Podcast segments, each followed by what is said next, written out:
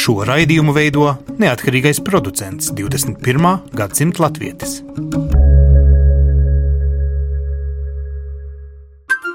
Lai kur mēs būtu, Lai kur mēs būtu, Lai kur mēs būtu, Lai kur mēs būtu, Tie esam mēs. tie esam mēs. mēs. Tie esam mēs. Mēs. Tas ir par mums. Tas ir par mums. tas ir par mums. Sveicināti raidījumā 21. gadsimta latvietis. Mums ar lielu prieku jāpaziņo, ka šis ir 299. raidījums, un uh, tas mums visiem trim šeit studijā esošajiem Lūksam Rozītim. Sveiks, Lukas, mūsu galvenais producents. Sveiks, Anci. Uh, mūsu galvenā Paula. Viņa mums vienmēr ir salikusi kopā. Sveika, Paula. Sveiki! Uh, mēs visi trīs esam nolēmuši jums ar pompu paziņot, ka mūsu misija šeit ir beigusies, jo esam dzimuši kā krīzes laika produkts un domājam, ka krīze ir beigusies un arī pati diaspora ir. Uh, Jā, pārveidojusies un, un uh, pavisam savādāk kļuvusi mūsu acu priekšā, vai drīzāk jūsu ausu galos. Šeit, uh, sešu gadu garumā, gandrīz neticās, uh, izsekojot visām diasporas gaitām, mēģinot uh, tikt galā pat ar pašu vārdu diaspora. Jo sākumā mēs runājam par uh, latviešiem trimdā, tad mēs iemācījāmies, ka pat trimdu nedrīkst lietot, ka tādas trimdas arī vairs nav, un tad mēs tikām pie jauna vārda diaspora, kas daudziem vēl aizvien nav uh, iegājies. Bet tas ir par mums, tā bija mūsu devīze un sauklis, un Lukas uh, tajā raidījuma galviņā, starp citu, skan arī tavas mammas uh, un tēva vai ne balsis. Uh, tas ir par mums, tie esam mēs. Nu, te mums laikam jāatklāja, Lukas ir vienīgais cilvēks, kur mēs vienmēr niezēja nāgi intervēt, jebkurā dzīves situācijā. Viņš ir dzimis, audzis Austrālijā, audzis tālāk Zviedrijā, pārcēlies uz Latviju. Nu, īsts diasporas cilvēks, bet mums vienmēr bija kauns izmantot dienas stāvokli. Kā tad mēs tā ēterā ledīsim pašu savu producentu, Lukas? Ne, kaut kad es jau izskanēju arī tajā raidījumā šajos sešos gados, ja es atminu pareizi. Galvenais, es tiku tulkot tur Sibīrijas latviešu Jā. kaut kādus ierakstus vai kaut kas tāds. Bet es sevi par diasporu, nu, nu nekādīgi nevaru uzskaitīt. Pēc cik gadiem Latvijā? Es, es tomēr esmu, nu jā, 25 pāri gadu Latvijā, bet um, es jau esmu trimdas paudze. Mm -hmm. Un tad, kad bija trimda, tad tāda diaspora nepastāvēja. Ne, nu, jā, zinātniski to var saukt par diasporu, bet nu, mēs sevi identificējam kā trimdu. Tā jaunā diaspora, kas šodien ir diaspora, kur arī to skaita arī ir vecā trimda iekšā iekļauta, tiem ir nu, no vienas puses savādākas problēmas, savādāka attīstība, bet tāpat laikā es ar prieku kaut kā šajos gados esmu skatījies, ka nu līdzīgi tas viss ir. Ah, tā, tā, tātad tā kā trimda pēc kara, nu jā, tā kā trimdas sabiedrība, latviešu sabiedrība ārpus Latvijas pēc kara attīstījās, tā arī mūsdienās šī attīstība ir notikusi. Es domāju, tas arī ir viens no tiem, tiem iemesliem, kāpēc varbūt nu, pēc, pēc šī sešu gadu cikla neksim, mēs esam izpildījuši vienu misiju. Tagad ir, ir, ir jauniem spēkiem, jaunām balsīm. Jauniem cilvēkiem jārunā par, par, par citām lietām. Un klausies, Lukas, atceries, tad, kad uh, Paula ienāca šajā komandā, kurā mums bija skaidrs, kas mums jādara, viņai, man liekas, bija tā sajūta, ka Dievs, es tālāk par, uh, nu, teiksim, mammas māju līdz Rīgai aiz, aizbēgt to klasisko jauniešu gājienu, neesmu bēgusi. Nu, es biju nodzīvojis kādus gadus Beļģijā, man bija apmēram sajūta, ko tas nozīmē dzīvot ārpus Latvijas Lukasam. Tātad, nu, principā, visa jaunība bija pagājusi ārā. Paula, tu man nebija, iedomājies? nemaz, man nebija nekāda saprašanas, un tas bija tas laiks, kad patiesībā. Tikai tad arī parādījās mediju vidē jēdziens izbraucēji, mm. tolaik bija ekonomiskā trimda mm. modē tāds termins. Mm. Un tad es sapratu, nu jā, tie ir visi tie latvieši, kas tagad ir izbraukuši peļņas dēļ, krīzes dēļ, un tad tajā tematā iebraukt iekšā man kā Latvijas latvietim. Man vispār patiesībā sakot, visus šos sešus gadus bija ļoti interesanti raudzīties uz to no malas. Es nezinu, vai es izpratu šo tematu tik labi, kā to, protams, izprot, izprotat jūs vai, vai, vai izprot Bet cilvēki, kas tajā dzirdēji visvairāk. Tu mūs vis, Bet man liekas, vislabāk, da- kā daž- saka, izlaidi cauri savām smadzenēm, saprati šito laižam, Man liekas, ka dažu reizi tas Latvijas latviešu skatījums ir ļoti veselīgs. Paskatīties vienā otrā strīdā starp dažādām organizācijām, starp dažādu šķēpu laušanām, tepat saimā, ministru kabinetos citur, kas īstenībā ir tas sausais atlikums un kas ir svarīgi. Bet jebkurā gadījumā šis patiešām man bija liels piedzīvojums redzēt to visu. Bet, Pauli, bet kopš tu redzēji to izaugsmi, nu, pasaki, tajos sešos gados, ar ko tavuprāt, eh, nu, pirmkārt, mēs paši sev neļāvām, un es uzskatu, es gribu paldies Lukasam pateikt skaļi, viņš mums neļāva čīkstēt par to, ka šī raidījuma vienīgā misija ir, nu, tā kā valsts budžetā rakstīts, ka viss tas ir tikai par uh, mājās braukšanu. Nē, mēs nē, nē, eh, tādā ziņā mēģinājām parādīt, ka Latvijas drīz būt laimīgs arī ārpus Latvijas, vai ne? Teiksim, tas ir, tie latvieši ir tur, kur viņi ir, tad, kad viņi ir, un tāpēc mums bija jārunā par to, kas ir, nevis par to, kā mēs vēlētos kaut ko redzēt, vai gausties par to, kā, kā varēja būt. Nu, mums ir jāatspoguļo, mums bija jāatspoguļo, un es no to mēs arī darījām, faktisko situāciju. Jā, jau tajā laikā, kad mēs sākām šo raidījumu pirms sešiem gadiem, jā, um, visi zināja, ka latviešu mm, skaits, kas izbrauc no valsts, ir milzīgs. Mm. Tas bija milzīgs stress. Bet nezināja, cik. Nezināja, cik. Nezināja, kas tie īsti ir pa cilvēkiem. Tā bija amorfa masa. Tolaik arī, godīgi sakot, vecā trimda nebija tikus Latvijas mēdīju vidē, vispār Latvijas kaut kādā tādā sabiedriskajā saprašanā. Jo arī man kā Latvijas latvietim bija ļoti daudz jauna, kad mēs sākām tirpināt, virpināt, kas tad īsti ir vecā trimda un kāds ir viņu ieguldījums. Latvijā. Ja? Tā kā es domāju, ka patiesībā tas mūsu darbs, ko mēs esam darījuši, ir patiesībā vispār vērt vaļā to kā jaunu tematu. Mm. Un tas, ko es šobrīd redzu no tā diezgan lielā bārdaka, kad bija sākumā, jo pilnīgi nekādas saprašanas nebija, kas ir kas, cik mēs esam ārpus Latvijas, kur mēs īsti dzīvojam, kas ar mums notiek, kaut kāda atbalsta mehānismi, kur nu vēl pēc tam reemigrācijas plāni pusjukuši, nesajukuši un visādi citi. Ja. Beigās, vairāki, vairāki. vairāk. Un tas, kas ir šobrīd, mums top diasporas likums, mums ir spēcīgas organizācijas, kas jau, jau caurvīja Latviju jau dažni dažādos veidos, un diasporai šobrīd ir balss. Un uh, viņa bija tik īpaša, vismaz man, es pēkšņi atceros pirms pieciem gadiem tāds mieru mirklis, kad Lilija Zobens, Anglijas latviešu saimnes, nu, varētu teikt, lielmāte, ja, viņa ir dziesmu svētku virsdiriģente un viņa ir eh, ļoti, ļoti daudz sirsnīgi darījusi, kad viņa godīgi Pasaules brīvo latviešu apvienības igadējā konferencē pateica, es gribu pateikt sirsnīgi paldies no Latvijas nesen atbraukšiem cilvēkiem, kas izglāba mūsu organizācijas, mūsu draudzes ar savu enerģiju šeit metās, un tad vēl pagāja pāris gadi, kamēr, nu, sauksim viņu par vecās trimdas, eh, nu, cilvēki saprata, ka nav tā, ka vienīgais jauniebraucēju mērķis ir izsaimniekot visus līdzekļus, piecās minūtēs notriekt naudu un aizbraukt mājās. Ja? Nu, proti, ka šī sadraudzēšanās starp šīm abām daļām, arī mūsu raidījumā sākumā mēs teicām, vecā trimda un jaunie ekonomiskie bēgļi. Un tikai kaut kādā vienā mirklī mēs sākām lietot vārdu diaspora. diaspora. Tas apzīmē to jau to kopumu, kas tur tapa dažādu iemeslu dēļ. Jo katrs cilvēks brauc ar kaut kādu savu bagāžu, savu, savu mērķu, savām iecerēm. Tur nonākot, es domāju, viņi saskārās ar, ar, ar pilnīgi citu situāciju, bieži vien nekā viņi bija sagaidījuši.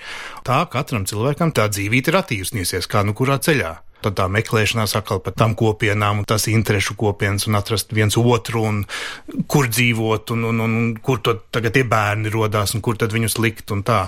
Šī attīstība, es domāju, mēs esam gandrīz, teiksim, bijuši no, no šūpuļa klāt. Tagad to bērnu mēs palaižam skolā. Ah, jā, galā. tiešām. Bērns iet jau skolā, seši gadi. Zinu, vienīgais, kas man nu, nav izdevies noķert pāris mirkļi, es nu, gribētu būt bijis noķert to suteneru, to latvieti, kas citus latviešus nu, ar vai pusnoņemtām pasēm vai pazemotām īres maksām, nu, tos, kuri neprot angliski, bet aizbrauc uz Angliju un viņus tur principā par vergiem tur. Bet tāds pats otrs latviečs, kas varbūt pirms nu, tikai trīs gadiem pats ir ielauzies tajā Anglijas realitātē.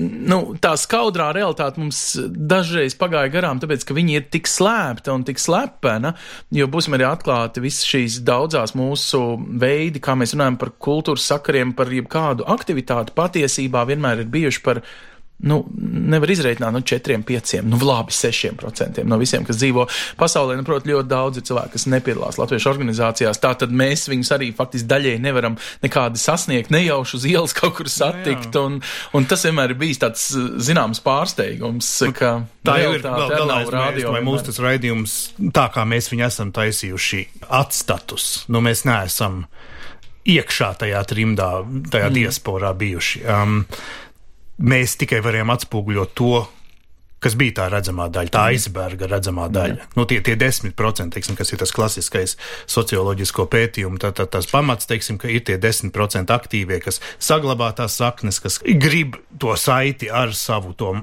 pamatu valsti uzturēt.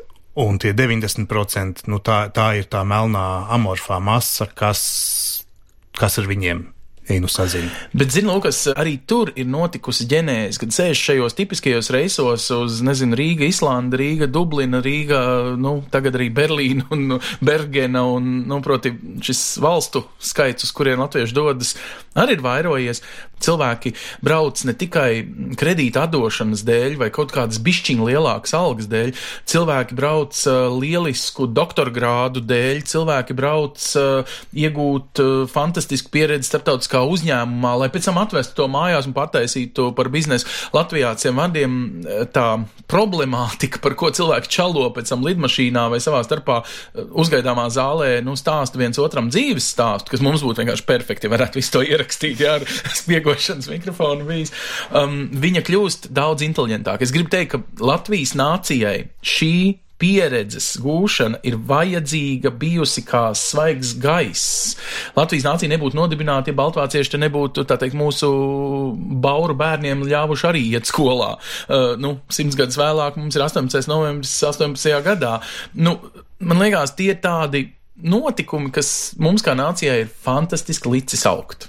Nu, tīri vienkārši latviešu vēsturiskai pieredzē šis bija vajadzīgs, tāda pote pret visām Bet, dzīves problēmām. Nu, es domāju, kā Latvijas latvietim no malas raugoties, tas, kas man ir bijis ļoti pārsteidzoši, tīpaši attiecībā uz uh, aktīvo diasporu, par ko pirmīt Lūkas runāja, ir tas, ka tā pašaizliedzība un pašupurēšanās vispraktiskākajās, sadzīviskākajās lietās, ko spēja izdarīt aktīvā diaspora, ir vienkārši fenomenāli. Un es nezinu, man liekas, Latvijā ar uguni būtu jāmeklē kāds tikpat aktīvs patriots, tikpat uzcītīgs patriots kā šie latvieši. Vienalga, vai tā būtu Amerika, kur 3-4 stundas brauc uz latviešu mm. skoliņām par katru cenu, vai, vai, vai tās būtu tautas deju kolektīvi, kur es pat nevaru iedomāties, kā var sagatavoties deju svētkiem, ja tu patiesībā tiecies reizi mēnesī, ja, vai, vai divreiz. Nu, patiesībā tas ir bijis tas, kas man no malas raugoties ir šķitis tiešām apbrīnojami. Šī cilvēku spēja, tas gribas spēks un, un laikam tas jau ir bijis kaut kāds tāds brīdis cilvēku dzīvēs, kad iestājas šī krīze, Mm. Un man liekas, ka tā ir tā atgriešanās pie saknēm, tāpat kā tīri psiholoģiski cilvēkiem atgriešanās pie ģimenes, bieži vien atgriešanās pie pamatvērtībām ir tad, kad tev dzīvē ir kaut kāds milzīgs lūzuma punkts. Un jaunajai diasporai, es domāju, ka tā pārcelšanās ārpus Latvijas nav bijusi roždārs. Lielākoties, man liekas, tur ir tādas psiholoģiskās traumas un problēmas mm. un grūtības bijušas. Un ir daļa, kas to visur kaut kā varbūt noslēpuši dziļi sevi un, un paliek tur, kur viņi paliek, bet ir daļa, kur meklē to caur, caur latviešu kopienu. Un tas ir ļoti interesanti, un tas ir Un man bija jo īpaši liels prieks šogad dziesmu svētkos redzēt, cik daudz kolektīvu ir patiesībā ārpus Latvijas sasparojušies, un viņi nebūtu nav sliktāk par mūsu pašmāju dziedātājiem, dejotājiem. Nu, tā bija otra diena. Tur esplanādē pie Raņa pieminekļa bija, varētu teikt, ārzemju latviešu kolektīvu dziesmu svētku, nu, mini koncertiņš. Daži no viņiem, piemēram, publikā stāv, tu ej ar mikrofonu klāt, viņi nevar, viņš ir latviečs, dzimis pat audzes puisis, viņam ir kāda 17 gadi, rekur mamma, tur dzied trešajā rindā, un viņš nevar tev ne vārdu atbildēt latviski. Viņš ir tā kā pazudis. Viens no, ziniet, um, nu, tādiem personīgi asrainākajiem mirkļiem ir bijis par vecmāmiņu, kur pat ir, starp citu, skolotāja kādā kurzemes skolā.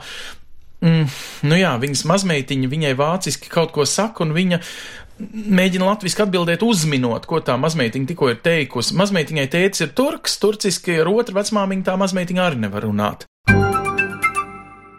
Un uh, ar viņu caur to Skype iznāk mazāk, tur iznāk caur telefonu vairāk mm. parunāties. Nu jā, jo telefons vēl ir maksas lieta, tur tas ir ierobežo. Ierobežo kaut kādos mēros. Ā, Ilaida, tu tagad runā vāciski, kāpēc nestāst mammai latviski šito? Jo vecmāmiņa taču nesaprot, ko tu saki. Omi, tu saproti vāciski? Nē, man labāk patīk, ka viņi runā latviešu, jo es skolā esmu mācījies angļu valodu, un vācu valodas zināšanas man tādas, nu, stipri minimālas. Tur runā Ilai, ko tu latviski. saki? Kurā valodā tev vieglāk pateikt kaut ko vāciski vai latviski? Vāciski. Kā jūties par to, kad uh, mazmeita, nu, labi, viens tehniski ir tālu prom, bet otrs Kā tu vari viņai iemācīt, ja tiešām ir acīm redzama, ka vāciski viņai ir vieglāk, un tas ir objektīvi, kāpēc tā ir? Nu, kas man atliek? Man atliek darīt tik, cik es varu, es nevaru iziet pāri spēkiem, mm. un cik viņi pieņems un cik tas būs, tas tagad nav vispār tā zināms. Ar uzspiešanu jau neko nevar izdarīt. Jā. Tur jau ir tas, tas pamats, kā ar uzspiešanu. Ja tagad es te izvirzīšu prasības kaut kādas briesmīgas, tad tas jau nenesīs nekādu savu. Būtībā tu tad riskē pārcirst saiti ar savu meitu, vai ne? Jā. Es pat, nu, nu, ko es viņai teikšu, nu, tagad tu darīsi tieši tā. Liela cilvēka. Un, mīlestībai jau tāpat nepavēlēs pareizi. Tā arī notika. Sākumā mīļā vecmāmiņa bija babāne. Aha. Jā. Nu, tā Turcijas vecmāmiņa. Viņa arī dzīvo Turcijā, ja nevis Vācijā? Jā, dzīvo Turcijā. Mm -hmm. Un viņa arī centās, nu, vairāk tā, nu, bet tā vajag. Un tagad, kad es prasu, kur brauksim, Brauksim pie Omītes.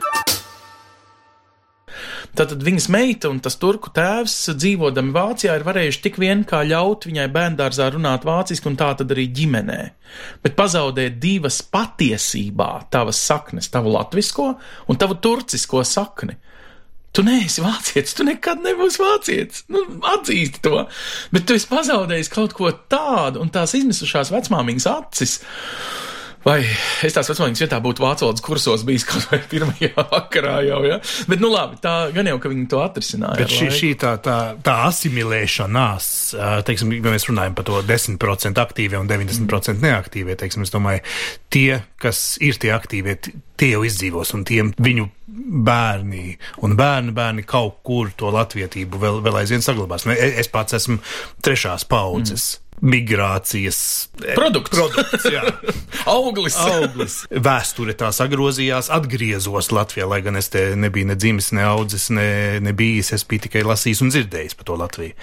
Tas jau ir pateicoties tam, ka vecmāma bija latviešu valodas skolotāja, kura sūtīja man cītīgi atpakaļ manas rakstītās vēstules ar labojumiem un tā tālāk. Tas bija tas, kas bija vajadzīgs. Pie tā ir jāstrādā. Nu, man ir uh, bijis personīgs novērojums Austrālijā, kur, starp citu, tieši tavas noscīta paudzes, proti, trešās paudzes trimdā nodzīvojis eh, jaunietis, būtībā jauns cilvēks, kurš tagad eh, piedzimis maz bērniņu. Uz tik vienkāršu jautājumu, kas es esmu, patiesībā cilvēkam minūtes laikā ir asaras, dzīves audzes Austrālijā un nav Austrālis, jo to viņam ir piedod iepotējuši viņa vecāki. Ja? Uh, un atbrauc šeit uz Latviju, nu jā, viņš jau ir Austrālis, viņš jau nav normāls, ja? nu, Hibrīds. tā, hibrīds kaut kāds. Ja? Un tas ir kaut kas, kas savukārt Latvijas sabiedrībā ir jāiemācās mūsdienās, ka jā, tagad šajā desmitgadē ir radušies arī melnādaini latvieši, un viņus sauc par mārtiņiem. Un viņiem ir Latvijas republikas pasi, un, starp citu, latviešu valodā daži no viņiem māca labāk nekā viens otrs pierīgas skolas, eh, tā teikt, loders. Ja? Tātad nu, mums ir latvieši drīkst būt daudzveidīgi. Es to pirms kādiem desmit gadiem ar pārsteigumu uzzināju Izrēlā, ka Izrēlā mēdz būt arī melnādaini ebreji.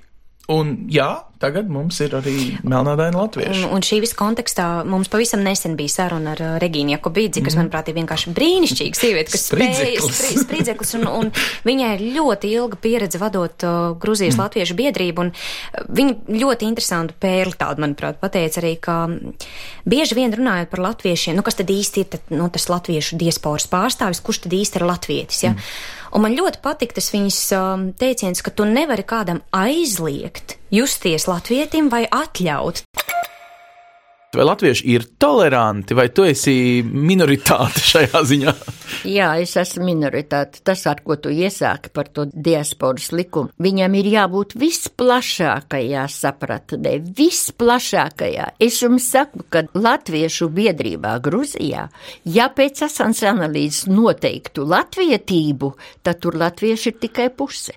Ir poļi, ir ebreji, ir krievi, kuri Latviju uzskata par savu dzimteni. Viņi tur ir dzimuši, viņi tur ir auguši. Viņi dzied latviešu himnu, viņi nāk pie mums latviešu tērpos. Kā viņus var izmest no tā jēdziena diaspora? Nekādā ziņā. Katrs cilvēks, kurš ir rodom no Latvijas, ir diasporas sastāvdaļa. Pie tam viņš strādā Latvijas vārdā. Ja es jūtu piederību Latvijai, tad man nav jāprasa nevienam atļauja just piederību Latvijai. Latvija nodarbojās ar aizliekšanu un diferencēšanu, vajag to provinciālis, vai lai Dievs man piedod. Vienmēr ir arī jautājums, ja Latvija ir brīva republika un trimda vairs nepastāv.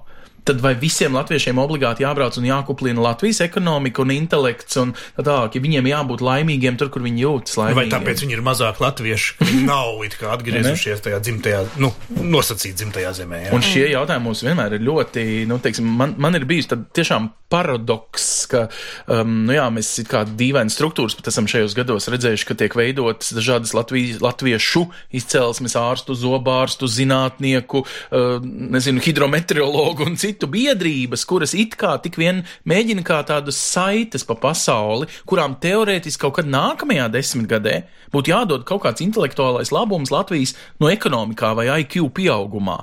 Un kas to zina, vai nākamais Nobel prēmijas saņēmējs, latviešu zinātnieks, vispār būs kaut dienu Latvijā dzīvojis un varbūt pat nemācīs latviešu valodu, bet cik mums ir varbūt forši, ka viņam būtu Latvijas republikas pase, un tad dienā mēs varētu iegavilēt, beidzot, latviešiem ir viens Nobels, ja? pat ja viņš ir, piemēram, Anglijas kādā uh, laboratorijā iegūts. Ja? Tas, man liekas, mums jāpaturprātā, ka tā atvērtība pret pasauli tik mazai nācijai ir devusi, un paskatieties, kā mūs apskauž mūsu brāļi Igauni, kurus bieži apskaužam mēs. Viņi nespēja piecus gadus tikt līdz tam dubultpilsonības mm. Uh, likumam, un visu laiku skatās, kā jūs letiņu to dabūjāt gatavu, kur ir jūsu nacionāls intereses apdraudējums, kas teorētiski būtu bijis, un kā jūs tur dalījāt. Vēl atcerieties, vēl taču mums bija diezgan daudz redzījumu, kuros mēs stāstījām par to, kā latvieši mēdz dalīties starp to, ja tu esi dzimis Krievijā, tu esi neusticamais latviečs, ja NATO teritorijā tu esi superuzticamais. Tā, kurus, kurus lūkojoties no malas bieži jūtu un saklausīju Krievijas latviešos to, mm. nu, varbūt ne gluži aizvainojumu, bet tiešām sāpi.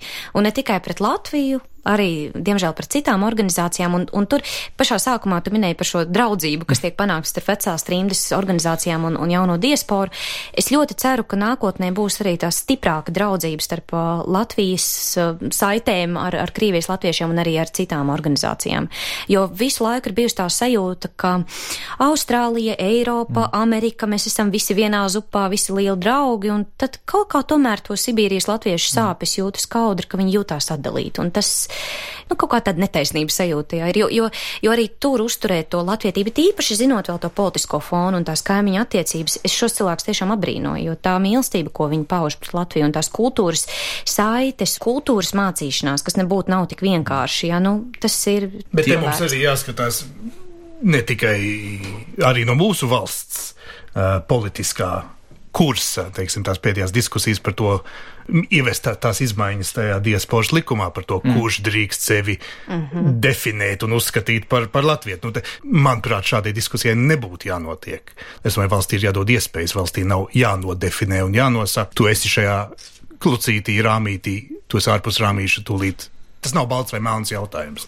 Nu, atcerieties arī, ka no simts deputātiem zālē laikam tikai 18 gribēja šo jautājumu vēlreiz vētīt un atgriezties pie šī likuma definīcijas sašaurināšanas. Būtībā tādā ziņā šī jaunā saima laikam redz to lauku arī plašāk un uh, savā ziņā šis diasporas likums, kas tieši 1. janvārī stāsies spēkā, ja, uh, viņš lielā mērā, nu, iemācīs mums arī daudz jaunu uh, attiecību. Viena lieta, ko Paula runājot par to Sibīrijas latviešu ciemu, Iedomājieties, ka latviešiem pasaulē Latvija dažreiz nav vajadzīga, lai būtu latviski un satiktos, piemēram, Anglijas latviešu un Sibīrijas latviešu. Man tas bija tāds mirklis, ka man izšāva gandrīz korķis. Es domāju, ak, Dievs, tad es te vienīgais no Latvijas ar Latvijas radio mikrofonu sēžu viņiem līdzās uz soliņa Jā, nu tur viena meitene bija dzimusi Latvijā, bet uh, čalis no Anglijas un dāma no uh, Sibīrijas lieliski tika galā ar dziesmām, apmainījās ar dažādiem dziedāšanas stiliem, varēja sadancot, kopā nosvinēt Jāņus, jā, um, nu, teiksim tā, besīties starp zobiem, kā nepareizi viens svin un kā nepareizi otrs svin, bet beigās secināt, ka tas pamat kodoliņš tur ir vēl aizvien tas nosītais pareizais, ja tāds vispār pasaulē ir, ja, tas latviskais nu jā, es gribētu nu, būt ļoti piesardzīgs, vienlaikus nu, tāds tomēr bišķiņ konceptīvs un pateikt tā, starp kādām 2000 tautām, 200 tautām katrai desmitajai ir sava valsts pasaulē. Ja? Tikai 200 valsts ir pasaulē.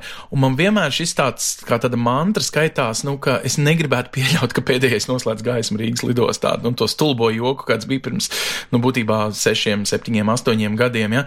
Valsts ir dibināta kā latviešu nācija. Mums aizvien ir jādomā, kā mēs kļūstam moderna, superīga, lieliska, plaukstoša zinātniekam ar ideālajām laboratorijām skolām un mūziķim ar kolosālām klavierēm. Um, lai viņš varētu radīt šeit un justies šeit, tāds, ka arī šeit var sasniegt pasaules augstumus. Un es domāju, ka mēs ļoti ātri kāpjamies tajā virzienā. Mūsu valsts attīstība šobrīd piedzīvo tādu zelta laikmetu, ka tas, man liekas, būs viens no galvenajiem iemesliem, kāpēc nākamajos desmit gados notiks reemigrācija nevis valdības izstrādāto plānu dēļ, Bet tāpēc, ka nu, valsts vienkārši nu, saka, ir tik tālu attīstījusies, ka starp rietumu un austrumu Eiropas algām būtībā tā šķirba kļūst ar vien mazāka. Pirms mēs pievēršamies reimigrācijai, kas man liekas ir ļoti interesants temats sešu gadu laikā bijis, klausoties to tavu minēto stāstu par Sibīrijas latviešu ciemu, kur cilvēki negrib varbūt pat būt, lat... atceries pāri no pleskavas, ja Jā. viņi dzīvo tepat aiz robežas, viņiem nav obligāti Jā. nepieciešams būt Latvijā. Man liekas, ka ir tāds interesants jēdziens, ko varētu izmantot latviešu gadījumā ārpus Latvijas, ir hobijs latvietis. Un tas nebūtu nav sliktāks latvietības veids, kā tas ir mans hobijs. Mans hobijs ir dejot latviešu dejas, mans hobijs ir runāt latviešu valodā. Tas nenozīmē, ka man jāatgriežas atpakaļ, bet es turu šo Latvijas vārdu un nesu tālāk pasaulē ar savu interesanto vaļasprieku, kas, manuprāt, arī ir. Bet arī šīs, jā, izbraukušas šīs sievietes, kuras ir aprecējušās mm. ar kaut kādiem ārzem kungiem, tās sievietes, latvietes, dodās dziedāt kaut kāds angļu Mm -hmm. koros vai zviedru tautsdejas dejot. Nē, viņi savus vīrus vēl līdz ar līdzīgām vienādām tur kopā, un tad ir rodās šitie. Hobiju, hobiju, hobiju latvieši, teiksim, šie, šie, šie vecie kungi, kuri savstarpēji stūrā pukst un čukst, apmainās pieredzē ar savām latviešu brūtēm. Viņi redz to, ka tā latvietība ir daudz kas vairāk nekā tikai valsts, no kuras aizmukt. Es sākumā it kā ieņērdzu, kādreiz skatoties, ka Dievs latviešu diasporas aktīvāk apmeklētākais pasākums ir brīdžu pārtīja piekdienās, ja, ja tas notur.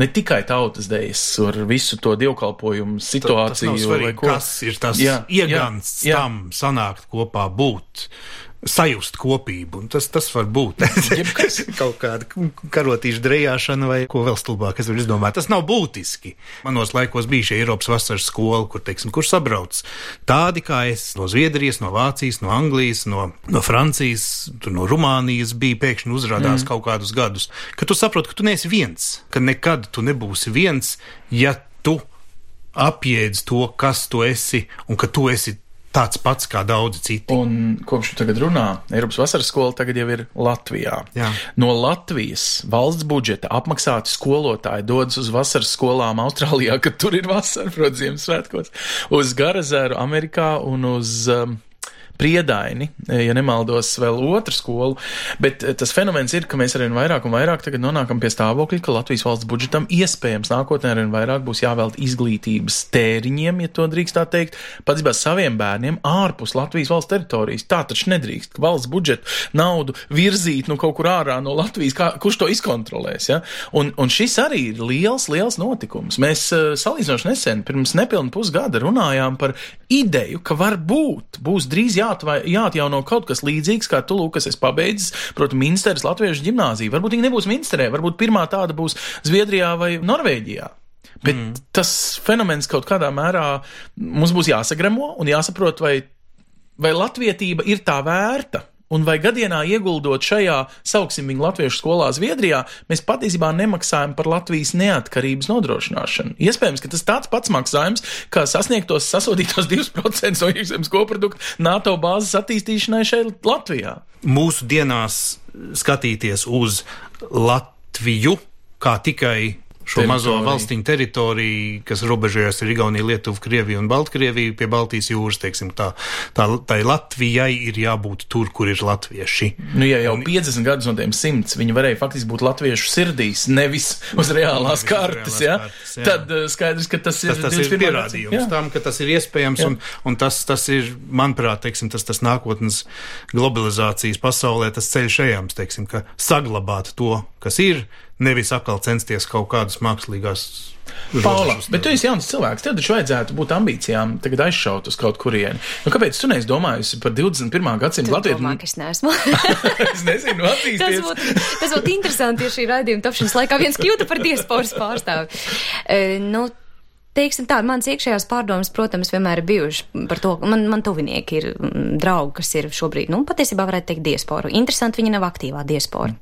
Viņi ir tie, kuri pazūd tajā 90% masā. Bet tas, ko es gribētu teikt par šo 90% masu, man liekas, ka tas ir kļūdains uzskats, ka šie cilvēki Latvijā ir zuduši. Tā nebūtu mm. nav, jo šie cilvēki mm. uztur ārkārtīgi ciešas attiecības ar cilvēkiem Latvijā. Un te varbūt pieskaroties reemigrācijas plānam, mm. kurš bija neveiksmīgs dažādās izpausmēs. Um, es uzskatu, ka tikmēr, kamēr Latvijā būs cilvēki, kuriem ir personiska saite ar diasporas cilvēkiem, un vienalga, vai tā ir mamma, tētis, draugs, radinieks, pie kura atbraukt, ka šeit ir kāds, kura, pie, pie kura var būt šī brīvdiena Latvija.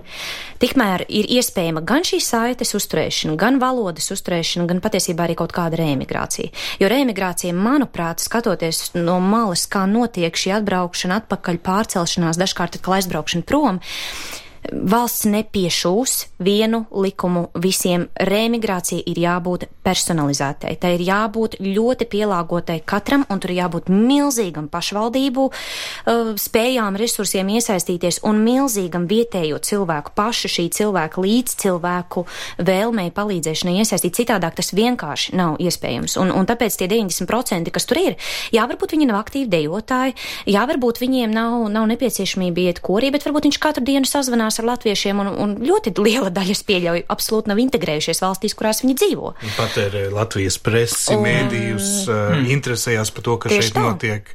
Protams, tas, tas, tas, tas ir. Uh, Varbūt tā reemigrācija pat nav tikai atgriezties Latvijas robežās, tā reemigrācija ir atgriezties pie tās latviešu saimes, kur lai viņa būtu tas mākonis, kas ir pasaulē, jā, jā, jā. ar ko tu esi bagāts un īpašs. Jo gal galā, nu, toreiz es to iemācījos vismaz no trimdas latviešu komunas, ka būt par latvieti tas ir kā dimants, būt par kaut kādu tur amerikāni vai vācieti. Nu, ir labi, varbūt sudraps, jā. Proti, bet tam ir. Man šķiet, tas ir šo kundzīti, kur izteikt šādas frāzes, jā. Bet šis ir kaut kas tik unikāls un tik īpašs, ja, ja latvieši ar šādām metodēm ir varējuši noturēt, uh, nu jā, nu, kas arī, nu, tavu vai ne, lielisko mm, kaut kādu iekšējo motivāciju, te nākt un, un, un, un domāt un piedalīties un klausīties, un kā tu jūties par šiem gadiem. Tev neliekas, ka liels fenomens ir arī tas, ka pirms sešiem gadiem mēs mēģinājām radīt uh, raidījumus par latviešu diasporas un tautas deju kolektīviem vai kā, bet šajos dziesmu svētkos tik dabiski tas parādījās kā viens, ak jā, te ir diasporas vēl kolektīvs, un te vēl ir no Jelgavas, un te ir no Ķekavas, un tā. Tam, tam vairs nav tāda nozīme kaut kā man patika, ka mm, Elīna Pinto šajā vasarā teica, ka mēs, latvieši, esam tādi paši latvieši, nevis latvieši ar īpašām vajadzībām ārzemēs. Ja? mēs neesam, nu, būtībā tāds tā kā invaliditātes raidījums, ja? atsevišķi skaldāmi. Tā, tā domāju, Eiropas Latviešu apvienība, ka tas ir apliecinājums tam, ka tā diaspora ir izaugusi, viņa ir nobriedusi, viņa ir gatava pilnvērtīgi iesaistīties šajos gados man ir vislielākais prieks, teiksim, ka, un tāpēc es domāju, mēs varam arī ar, ar mierīgu sirdi teikt, mierīgu. savu misiju varbūt mēs esam izpildījuši, ka diaspora tagad ir spējīga pati uz savām kājām stāvēt un pastāvēt, pie latviešu galda sēdēt un, un, un pārstāvēt latviešu intereses kopējā sarunā par nākotnes Latviju. Nu, ko? Tad uz šīs lieliskās pēcsvētku nots mēs arī uh, sakam jums, cienījamie klausītāji, sirsnīgi paldies. Labā ziņa ir, ka nekas nebeidzas. Jaunajā ciklā jauni kolēģi Agnēs Drunka un Santa Lauga spēs um, iedvesmot mūs ar vēl neparastākiem stāstiem. Starp citu skanējumā, kurš būs daudz interaktīvāks un mēģinās patiešām saslēgt mūs visus latviešus kopā vienā tādā unisonā no visiem būtībā kontinentiem un visām tēmām. Tādā ziņā šeit Latvijas Nacionālajā radio uh, mēs turpinam pildīt šo misiju, kas ir savest mūsu mājās pie Daugavas krastiem, ja gribat tā, bet eh, nevienmēr fiziski. Citreiz arī pavisam tā garīgi. Ja jau Daugava ir mūsu likteņupe, tad lai viņa mūs nes uz jūru un citreiz arī atpakaļ. Labi, sirsnīgi. Laimīgi jau no gada. Laimīgi, Laimīgi. jau no gada. uz redzēšanos.